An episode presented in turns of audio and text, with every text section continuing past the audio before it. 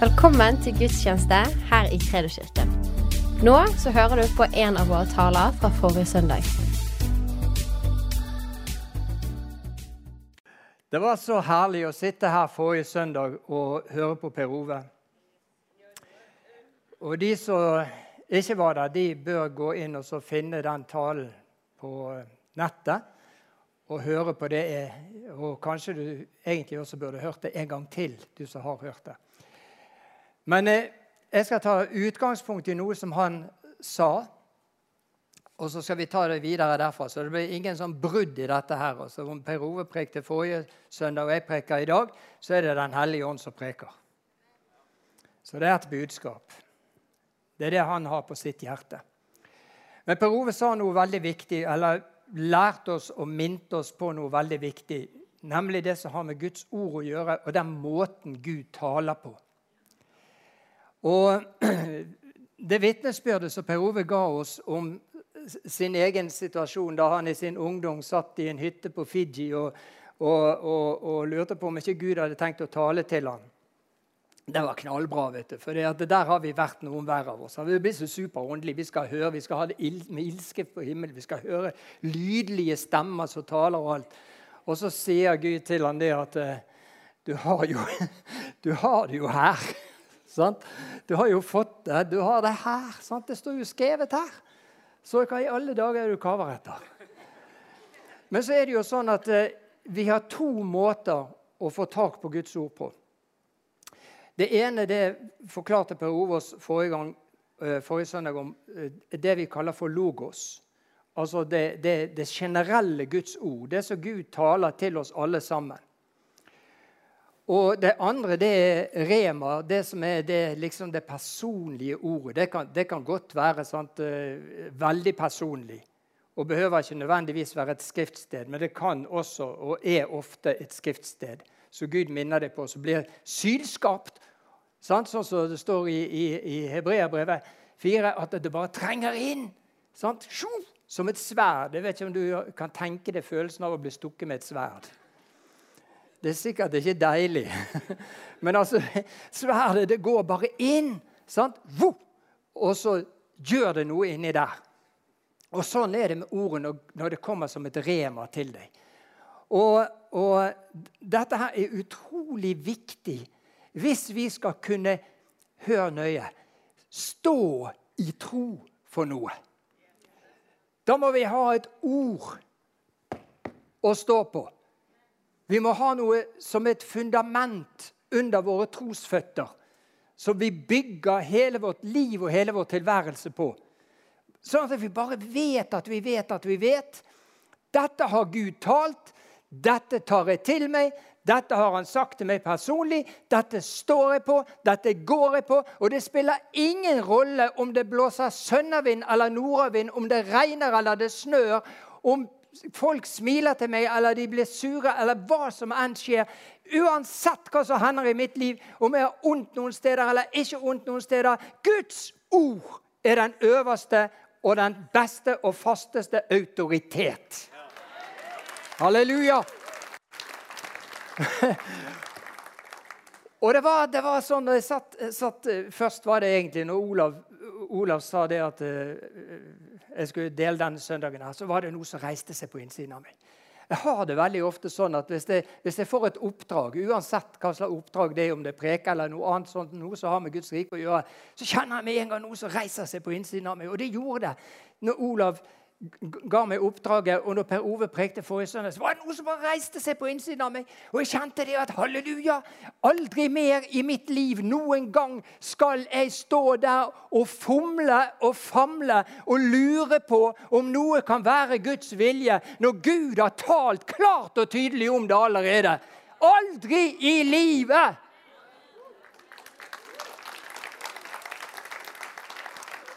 Du skjønner det at tro det har, det har med flere ting å gjøre. Tro det har med kunnskap å gjøre. Kunnskap i ordet, selvfølgelig. Per Ove var inne på det også. Det ble sitert veldig mye i dag. Sant? Per Oves første brev, første kapittel.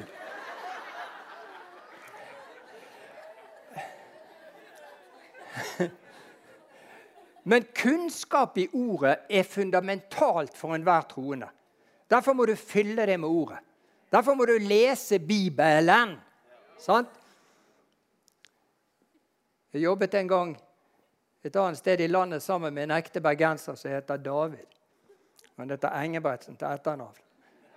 Og han, han, han, snakket alltid om Bibelen. Vi må lese Bibelen. Har du med deg Bibelen? Men dette sier jeg bare fordi at du skal huske hvor viktig det er. Ikke, ikke, for å være morsom eller for å si noe kjekt om, om, David, som er en hederskar, men, men, men, bare for at du skal huske at vi må inn i Ordet. Hvis vi skal ha noen ting å fare med når fienden kommer med alle sine sprell og alle sine greier. Nå er jeg nødt til å se på notatene mine. Vet du, Det første poenget jeg har lyst til å legge til, altså der hvor jeg nå går videre fra det som Per Ove sa, det er det at Guds ord er knyttet til Guds karakter. I ordet så uttrykker Gud hvem han er, hva han gjør, hva han tenker, hvilke planer han har. Alle sånne ting, Alt som har med hans karakter, hans vesen å gjøre, det er uttrykt i hans ord. I, ordet så møter du Gud som kjærlig, som trofast, barmhjertig, nådig osv. Men noe av det viktigste som vi kan ta tak i, det er det at på samme måte som at Gud er evig sant? Han er fra evighet og til evighet. Han har ingen begynnelse, han har ingen slutt. Så er også Guds ord evig. I Jesaja 40 og vers 8 Det kommer sikkert her. Så står det gresset tørker bort, blomsten visner, men ordet fra vår Gud står fast for evig. Halleluja. Tannpinen din står ikke fast for evig. De økonomiske problemene dine står ikke fast for evig.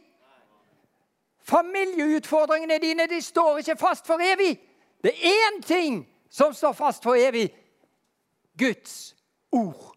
Ordet fra vår Gud. Halleluja. Så det er ikke omstendighetene som skal kontrollere ditt liv. Det er ikke de tingene du opplever som kommer liksom fykende og seilende fra den ene kanten og den andre kanten. Både inni deg personlig kan det være. Det kan være noe som har med ditt fysiske liv å gjøre. Det kan være noe som har med omstendighetene dine å gjøre på andre måter. Det kan, kan være utenfra fra andre mennesker. Du aner ikke hvor mye rart fienden kan finne på å sende i vår vei. Så, jo, du aner det, forresten. Så mye rart som fienden kan få sendt i vår vei. Bare for å få oss ut av denne faste troen på at det er noe som er fastere, det er noe som faktisk er evig, som vi kan sette vår lit til. For et privilegium det er å være kristen. Det, det å være en troende, for et privilegium! Ho, halleluja! Jesus han sa jo også noe om det her sant? i Matteus 24, 35 så sier Jesus himmel og jord skal få gå, men mine ord skal aldri få gå. Vet du hva? Skal du få en veldig dyp en. Aldri, det betyr aldri. Det betyr at det kommer ikke til å skje. Det spiller ingen rolle hva du opplever i livet. Det kommer ikke til å skje likevel at Guds ord, at det ordet Jesus har talt ut, at det på noen måte skal forgå. Altså At det skal settes ut av kraft, at det skal bli nullifisert, at det liksom det, det har ingen gyldighet lenger. Hallo? Er dere der? Der var dere, ja. Sånn, at ikke det, at ikke det er det, det, det kan bare ikke ta slutt, altså ikke det herlig å tenke på? Det kan ikke ta slutt. Men en ting som vi også trenger å minne hverandre om når det gjelder dette her med å lære oss å stå på ordet, det er det, det dette også med Guds karakter å gjøre. Eh, se på dette skriftstedet fra 4. Mosebok 23, 19. Gud er ikke et menneske. Og det var litt av en nyhet. Men det er sammenligningen her som teller. Gud er ikke et menneske, så han lyver. Altså, Gud kan ikke lyge. Han er ikke et menneskebarn så han skifter sinn eller ombestemmer seg. Ja, jeg tenkte det skulle helbrede hun der eh, Kari, men han der Per han får se oss gå med den der skavanken sin. Jeg har ombestemt meg når det gjelder han. For meg høres ikke, høres ikke det ut som Gud. altså. Jeg kan ikke tenke meg at Gud snakker på den måten. Fordi at han har allerede sagt til oss alle sammen at vi har fått legedom ved hans ord. Så den saken er grei, den, liksom. Og det har ikke Gud ombestemt seg med. Men, men han, han, gjør han ikke det han sier? Holder han ikke det han lover? Jo, selvfølgelig gjør han det. Han er jo Gud. Det er ingen forandring eller skiftende skygge. skjønner du. Der er det det samme hver dag, hver uke, hver måned. Han er den samme trofaste klippen som du kan sette din lit til, og det gjelder hans ord også. Amen. I Hebreane 6, 18 så står det svart på hvitt eh, at eh, det er umulig. Sant? Står det her? og Gud kan, ja. Og Gud kan ikke lyve, står det. Sant? Det er bare den setningen som, som, som er viktig. Gud kan ikke lyve. Altså, I hans personlighet så er det umulig for han å si noe som ikke er sant. Så har han sagt noen ting, f.eks. i Skriften, eller har han sagt noe til deg personlig så du bare vet at du vet at du vet at du vet at det var et ord du fikk av Herren, så, så er det sant. Da gjelder det. Da er det, sånn, du, det, det, er ikke et diskusjonsgrunnlag. Det er ikke sånn at de sier ja, nå, kan, nå har jeg sagt dette her, nå kan vi forhandle litt frem og tilbake om dette. Nei, det, det, det, som er med Guds ord, det er det at det er fast. Det er sannheten. Med stor S. Og så store bokstaver hele veien. Resten også. Halleluja. Så, så, så, grunnleggende, hvis du skal ha seier i livet, så begynner det med at du setter din lit til Guds ord fremfor de omstendighetene og de tingene som du opplever i livet ditt. Vi har ikke det synlige for øyet, sa Paulus, men det usynlige. Altså Det usynlige er jo på en måte kanskje kan du si, det, det som ennå ikke er kommet. Sant? Det du ennå ikke har sett. Det er ikke det liksom sånn hemmelighetsfullt som liksom Gud har gjemt bak et forheng for at du helst ikke skal se det. Så var det veldig hvor vanskelig dette var. da. Kom igjen. Sånn.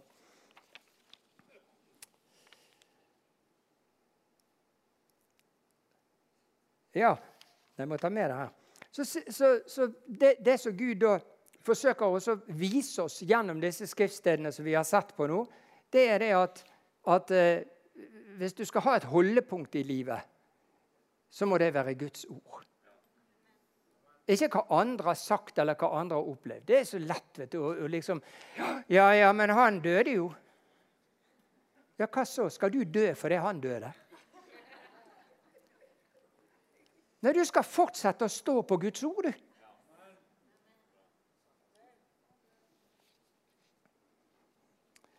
Det er veldig herlig å kunne si det at at noen, noen ting sånn, Når det er selvopplevd, så blir det veldig sterkt. Og det er ett ord som jeg og Elisiv har fått en gang fra Herren, som vi ingen av oss noen gang kommer til å glemme. Hvor vi i vår tidligste tid i tjenesten fikk et ord som vi trengte der og da. Og som manifesterte seg noe så grådig konkret. Og det var nødvendig. Og Det var det ordet som står i Lukas 10, 19. Elisiv nikker gjenkjennende. Dette ordet her. Ja, jeg har gitt dere makt til å tråkke på slanger og skorpioner og makt over alt fiendens velde. Ingenting skal skade dere.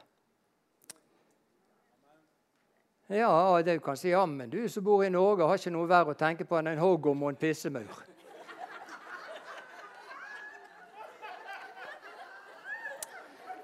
Men vi I 1978 så flyttet Herren oss fra relativt trygge tilværelser der vi bodde i første tiden vi var i, i, i Afrika, til et sted som var langt ute i Hutaheiti, i en halvørken. Så det bare var sand og tornebusker og slanger og skorpioner. Og vi hadde tre små jenter på to, fire og seks år pluss en afrikansk gutt som bodde sammen med oss i huset vårt. som var omtrent også to-tre år. Og i denne her tiden her så lærte vi å stå på et ord ifra Herren. For det at det, var jo både slanger og skorpioner. Sant? Og vi holder styr på tre små jenter på to, fire og seks. Og liksom gå rundt og si hele tiden 'Pass deg, må passe deg, må passe deg, må ikke gå der! må passe deg, Der er farlig! Må ikke gå bort der!' Tut. Sånn. Altså, vi, vi, hadde jo blitt helt utslitt. Vi hadde jo aldri fått gjort noen ting av det som vi skulle gjøre. Men de sprang jo ut barbeint. Altså, dette var et sted som det var oppe i 40 grader. Sant? Og det, det, var jo liksom ikke sko. Hva skulle du med det? Sant? Og ut i, og, i sanden og lekte. Og vi hadde noen opplevelser. Jeg kan, ikke, jeg kan, ikke, komme inn på det i detalj. Jeg skal bare si det at ikke én gang i løpet av de to årene vi bodde på det stedet, ikke én gang hadde vi en episode hvor noen av de ble skadet. Ingenting skal skade dere. Halleluja. Og det var noen close encounters, skal jeg bare fortelle deg. Med slanger som krøp under haken på en av de, og en, skorpion som de lekte med. Syntes det var grådig gøy. Sånn. Men han fikk ikke stukket. Heldigvis. Heldigvis. Halleluja. Men nå, nå, skal, nå, skal, jeg komme inn på noe som er vanskelig. Er det OK? Åpen for litt vanskelige ting. Så var det disse situasjonene da hvor du liksom ikke med en gang opplever seier, eller du kanskje til og med opplever nederlag, eller du opplever tilbakeslag. Har noen her noen gang opplevd at en bønn ikke har blitt besvart? det er dummeste spørsmålet. vet du. For det skjer jo av og til. sant? At liksom, I hvert fall så skjer det ikke på den måten som vi hadde tenkt, eller på det tidspunktet vi hadde tenkt. og så Etter en stund så kanskje gir vi opp, og så liksom slutter vi å tenke på om dette skal gå igjennom til seier. og så, liksom, ja, så renner det ut i sanden, og så blir det liksom med det samme. Vi, vi, vi, er veldig vittige. Sant? I hvert fall min generasjon, eller oss, vi som har liksom, si min bakgrunn. da, Sant? Vi tenker jo det at Alt som har med tro å gjøre, og trospredikanter og troshelter, det kommer fra Amerika. Men, eh, men det er ikke sant. skjønner du. I 1884 så, så fikk familien Johansson i Sverige de fikk en sønn. 1884. Det er lenge siden. det var ingen av oss som var rundt forbi da. Ikke jeg engang. Men, men, tenk på det. Altså, da, da, de fikk de en sønn, der er familien Johansson. De hadde mange unger, flere unger. De bodde på et fattigslig sted langt ute i Hutaheiti, en plass i Sverige. Og, og han her gutten han vokste opp og, og, og fikk seg noe jobb på en fabrikk. Og han jobbet en stund i, i Norge og litt sånn forskjellig. Så ble han frelst. Og så ble han, ble han eh, gikk han på bibelskole fremdeles i Sverige. Dette her var jo rundt forrige århundreskifte. Sant? Og han, han, gikk på bibelskole, og da var det baptistene som var de store i Sverige. Ulf Ekman en gang var ikke født da. Men, men det, det, det var, var, var, bibelskole var der. altså Baptisten hadde bibelskole. Så han gikk på bibelskole, og så ble han pastor ansatt et eller annet sted. Og så, Omtrent på samme tiden så ble det startet en ny baptistmenighet i Stockholm. Det var syvende baptistkirke. Stockholms syvende baptistkirke. Dere, vet kanskje noen av dere i hvert fall at baptistene de har det sånn første baptistkirke, andre baptistkirke, og tredje og fjerde. I Stockholm var de kommet helt til syvende. Med 29 personer. 29 sjeler var der i den forsamlingen. Og De hadde hørt om han der Johansson oppe i Dalom som var pastor i en liten baptistmenighet. Og Så tenkte de at han, han kaller vi til, til, pastor her hos oss.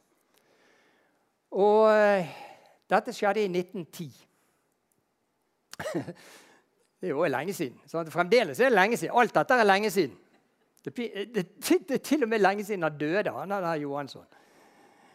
Eh, men så, så eh, fant de her i Stockholm de fant ut at vi kaller han der Johansson oppi der til, til, å komme og være pastor i denne syvende baptistkirken. For det at eh, Han virker som en frisk og tidig fyr, så vi får han ned her til oss. Han var, han var, da var han blitt 26 år, sant? så han var jo ikke så veldig sånn, Ikke helt så pur ung, men ikke gammel heller. Og så I 1910 da, så kalte de han til, til, forsamlingen. Og det var litt sånn overnaturlig også. De, de ba, og ba om å få et ord, og så fikk de et ord som passet med navnet hans. Men når han flyttet til Stockholm da, og så skulle bli pastor i denne her baptistkirken, så fant han ut at det var noe så trøtt å hete Johansson. Så, så, så, han tok og snudde om på fornavnet sitt, og så gjorde han det til hele navnet sitt. For han var nemlig født Petrus Levi Johansson. Så han skiftet navn til Levi Petrus. Er det noen som har hørt om Levi Petrus? Pinsebevegelsens far i, i, i Sverige. Og Grunnen til at jeg forteller dette, det er fordi han hadde en veldig spesiell opplevelse.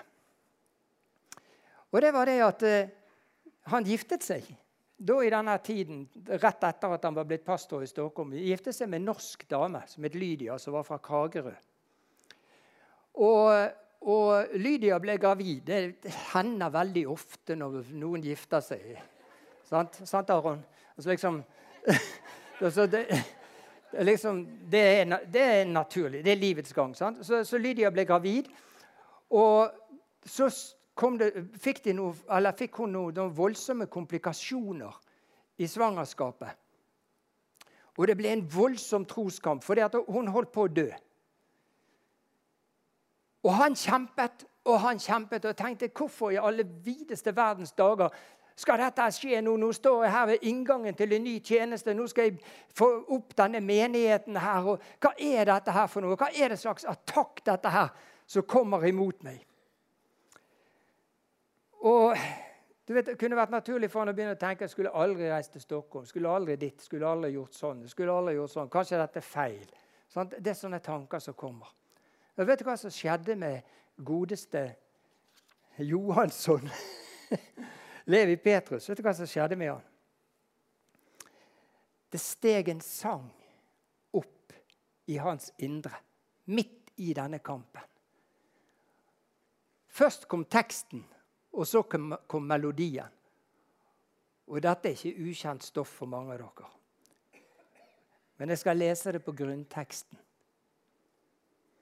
Løftene kunne ei svika. Nei, de står evigt kvar. Jesus med blodet beseglat. Det som han lovat her. Halleluja! Der har du trosholdningen. Sånn, der har du det å få et ord midt i en situasjon. Det er bare noe på innsiden reiser seg opp midt i omstendighetene. Og du vet hvordan Noen av dere kunne sunget videre nå på koret. sant? Himmel og jord må brinne. Høyder og berg forsvinne. Men den som tror skal finne løftene, de står kvar. Halleluja! Halleluja! Det var den åpenbaringen han fikk midt i den kampen hvor han holdt på å miste sin kone. Og nå hadde det seg sånn faktisk at babyen døde. De klarte ikke å redde babyen, men de klarte å redde Lydia. Da, så hun levde videre. Og vet du hva? Jeg tenker mange ganger eh, Det, det, som, det som han sa Jesus med blodet beseglet det som han lovet her. Det er det som står i 2. Korinterbrev 1,20. Det er sant at ved, ved, ved, Jesus Kristus så har løftene de har fått både sitt ja og sitt amen. Tror du på Jesus, Tror du på Jesus, da har du troen på Han som, som, har gitt oss både et ja og et amen. Det skal skje til de løftene som Han har gitt. Halleluja. Hvordan kan vi være så dumme at vi vakler når Gud har sagt noen ting, og vi vet at dette her er det Gud som har talt? Det lønner seg alltid å stå fast på løftene. Det lønner seg alltid å reagere med tro i enhver situasjon, uansett hva omstendighetene måtte si. Og vet du hva? Det er tre ting Gud ofte gjør når du står i en sånn troskamp. Tre ting som kommer ut som et resultat på andre siden av en troskamp. Halleluja. Vi, vi må regne med at vi får kamper.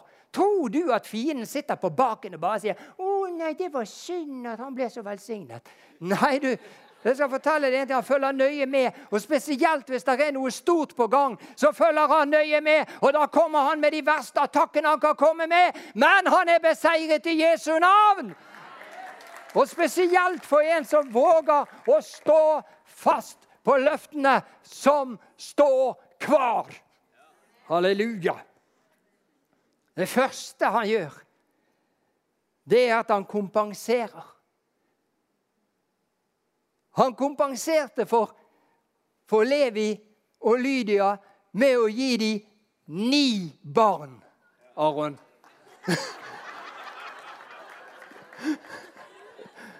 Skjønner, Per Ove har sagt til meg at han ønsker seg en haug med barnebarn. Så det er bare å komme igjen.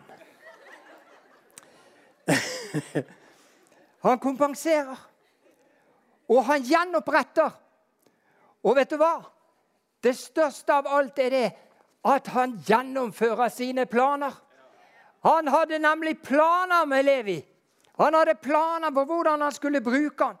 Jeg sa til dere at, at han kom til Stockholm til en menighet med 29 medlemmer. I løpet av de første ti årene var menigheten vokst til 1800 medlemmer. Så gikk det ti år til. Da var de 4000. Så gikk det enda ti år. Da var de 6000 i menigheten. Og det var plantet over 500 pinsemenigheter i Sverige. Halleluja! Neste gang du får en kamp, neste gang du får kamp, neste gang du opplever et attakk, så skal du begynne å tenke på hva er det nå Herren har planlagt. Hvor mange tusen er det nå vi skal bli? Hvor mye er det jeg skal få utrettet til Guds rike? Hva er det Gud skal bruke meg til nå, da? Siden han er så voldsomt etter meg. Det er den tankegangen du må ha. Halleluja! Du må være som Sali Johansson. Han døde 90 år gammel i 1974, så det er veldig mange av dere som aldri har hørt om han og aldri har visst om han. Men det spiller ingen rolle. Han gjorde det Gud hadde bedt han om å gjøre, og det gikk igjennom til seier. Halleluja, For han hadde en trosinnstilling, og han våget å, å, synge en sang midt i denne situasjonen. Nå skal ikke jeg synge. Jeg har lovt Elis jeg skal ikke synge. Det var derfor jeg bare leste leste teksten. Himmel og jord kan brenne! Sant? Han er jo på norsk, denne sangen, så vi bør ikke alltid bruke grunnteksten. Men han, himmel og jord kan brenne. Høyder og berg forsvinner. I alle dager, altså, Det er samme hva som skjer. Men da, midt oppi det der så skal du finne at løftene, de står fast. Halleluja! De står fast! Amen! Amen! Halleluja. Det som var saken, det var det at, at han, han, han, broderen han skulle jo brukes av Gud. sant? Og det kunne ikke fienden sitte stille og, og, og se på. Så, så, selv om vi av og til opplever noen kamper, og vi til og med får noen sånne kjøttsår sant, i, i, kampens hete, så er ikke det banesår. Sant? Det er ikke fatale skader vi får av å ha litt kamp av og til. Vi har noen arr her og der. sant Tanja? Vi har, vi har noen arr her, noen skrammer her og der etter kamper vi har hatt i livet. Men halleluja! Det har gått igjennom til seier, og det skal gå igjennom til seier. Og det, om det aldri har gått igjennom til seier for deg, så skal det gå igjennom til seier. Det eneste som trengs, det er at du lærer deg å stå på ordet. Om det tar dager, stå fast. Om det tar uker, stå fast. Om det tar måneder, stå fast. Ta det til og med år, stå fast. Halleluja. Så skal vi lage en ny sang så det står at Nei, vi kan ikke rokkes. Vi står evig fast. Halleluja. Vi lar oss ikke vippe av pinnen om det skulle komme et eller annet fra øst eller vest eller nord eller sør. Det spiller ingen rolle. Vet du hva, Det er et fantastisk ord i Jesaja 62 og vers 6. Og bare, bare få lov å ta det med. Jeg har satt vaktmenn ut på murene dine, Jerusalem. De skal aldri tie, verken dag eller natt. Dere som påkaller Herren, ikke unn dere ro. Halleluja. Halleluja. I min oversettelse så står det 'dere som minner Herren'. Og mange av de eh, litt voksne her, de som vokste opp med 1930-oversettelsen, de vet at eh, der står det 'dere som minner Herren'. Unn dere ingen ro. Vi skal minne Herren. Sant? Vi skal minne Herren hele tiden. 'Herre, det var du som sa det. var du som sa det. Det var ikke meg Det var ikke meg som fant på det. Dette var ikke min idé. Dette var din idé. Du har skrevet det ned i boken din, og nå minner jeg deg om det. Det står der. Det står der. Herre, det var du som sa det, og du er Gud, og du ombestemmer deg ikke, og ikke lyver du heller. Det var du som sa det. Nå får du se å gjøre det.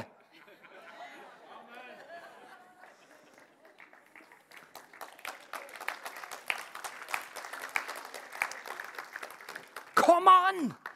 Vi trenger en ny trosholdning!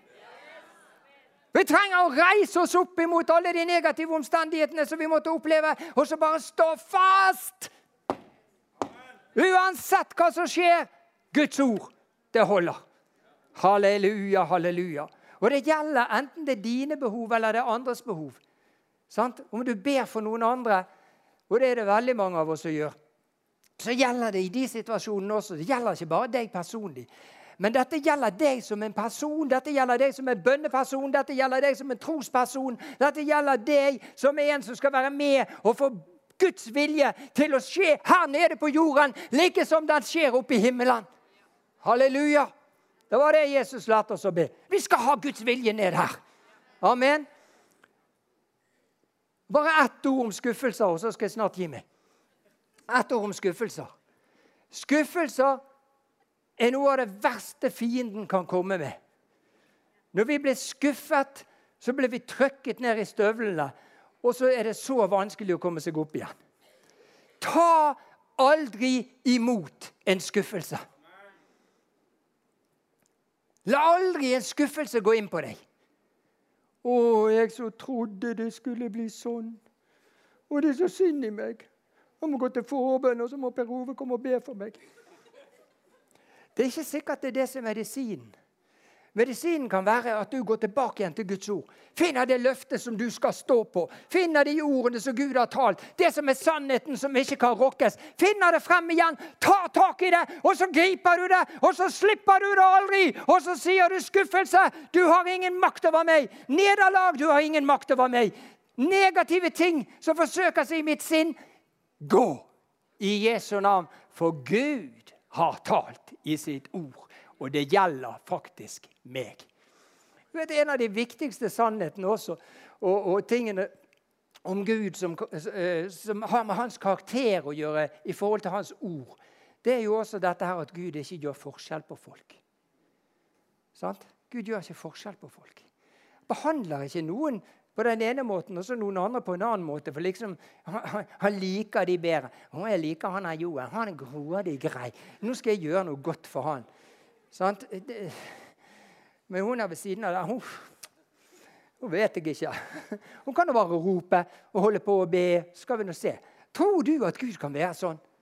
Nei, men Så dumt er det å tenke det at Gud gjør forskjell på folk. Så dumt er det. Jeg liker å fremstille ting sånn som de er. Så, sånn at du liksom kjenner det. Sånn er det jo egentlig at det er. Det er jo ikke sånn at det liksom er noe sånne veldig åndelige greier. Det er sikkert underliggende ting. Halleluja, det fins én underliggende ting. Og den har jeg her i min høyre hånd. Det er den du skal basere deg på. Det er den du skal fortrøste deg på. Det er den du skal holde fast på. Og det er den du skal proklamere i øst og vest og nord og sør inntil det går igjennom til seier! Å, oh, halleluja! For det går igjennom til seier. Det skal gå igjennom til seier. Du skal få oppleve det som Gud har bestemt for ditt liv. Halleluja. Og om du liksom av og til ligger der med beina i været og tenker nå er det slutt, så skal du bare gjøre sånn så, så liksom eh, så, da, skal bare, da skal du bare kaste deg rundt. Sant? Og så skal du si nei, nå reiser jeg meg opp. I troen på at Guds ord det gjelder meg også. Og jeg skal ha det som jeg ber om, for det har Gud lovt meg. Halleluja! Å, takk, Jesus, takk, Jesus, takk, Jesus. Jeg vet at Noen sitter kanskje med sånne tanker. ja, det er sikkert enkelt for deg. Du har vel hatt det sånn lettvint hele livet, og alt har gått så bra for deg.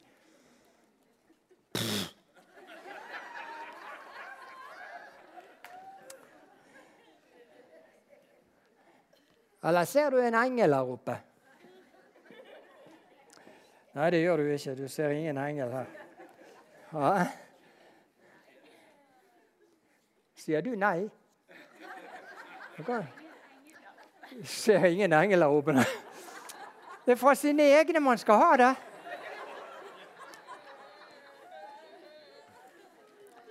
Men nå skal vi gjøre noe.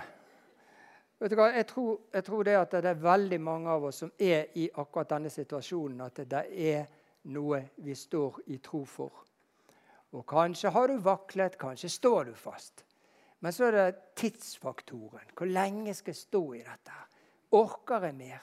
Klarer jeg dette? Holder jeg ut? Vet du hva? I dag skal du reise deg i Den hellige ånd. Og så skal du proklamere for ditt eget liv og for din egen livssituasjon at løftene kan ikke svikte. Nei, de står evig fast. Halleluja. Du skal ikke være her nede på jorden til evig tid? Men, eh, men løftene, de, de, er evige.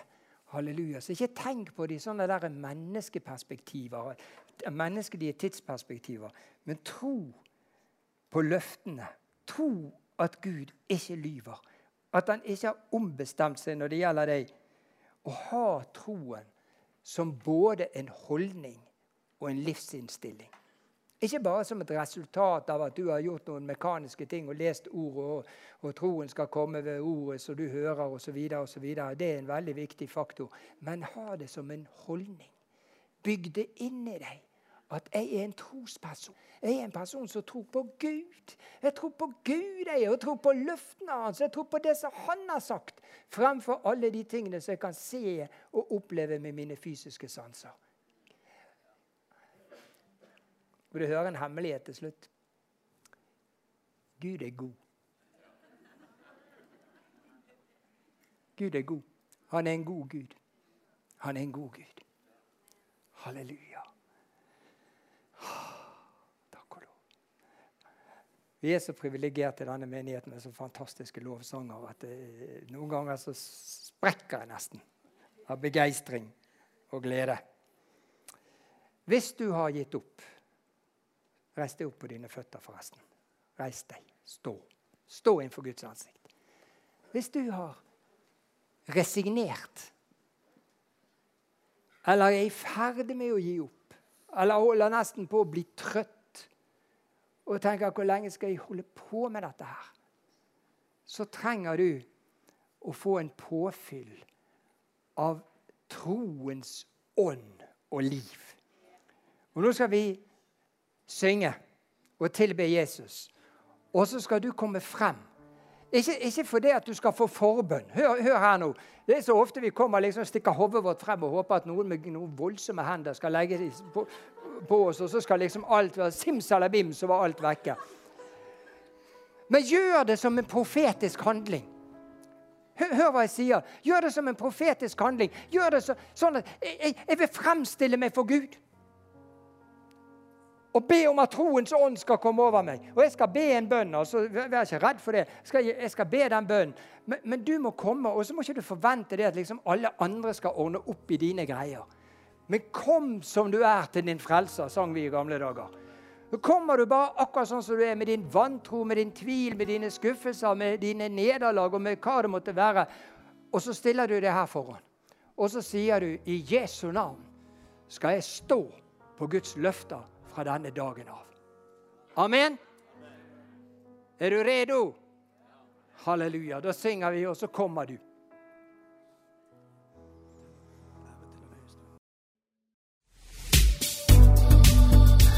Tusen takk for at du lyttet. Følg oss gjerne på Instagram og Facebook, og så snakkes vi neste uke.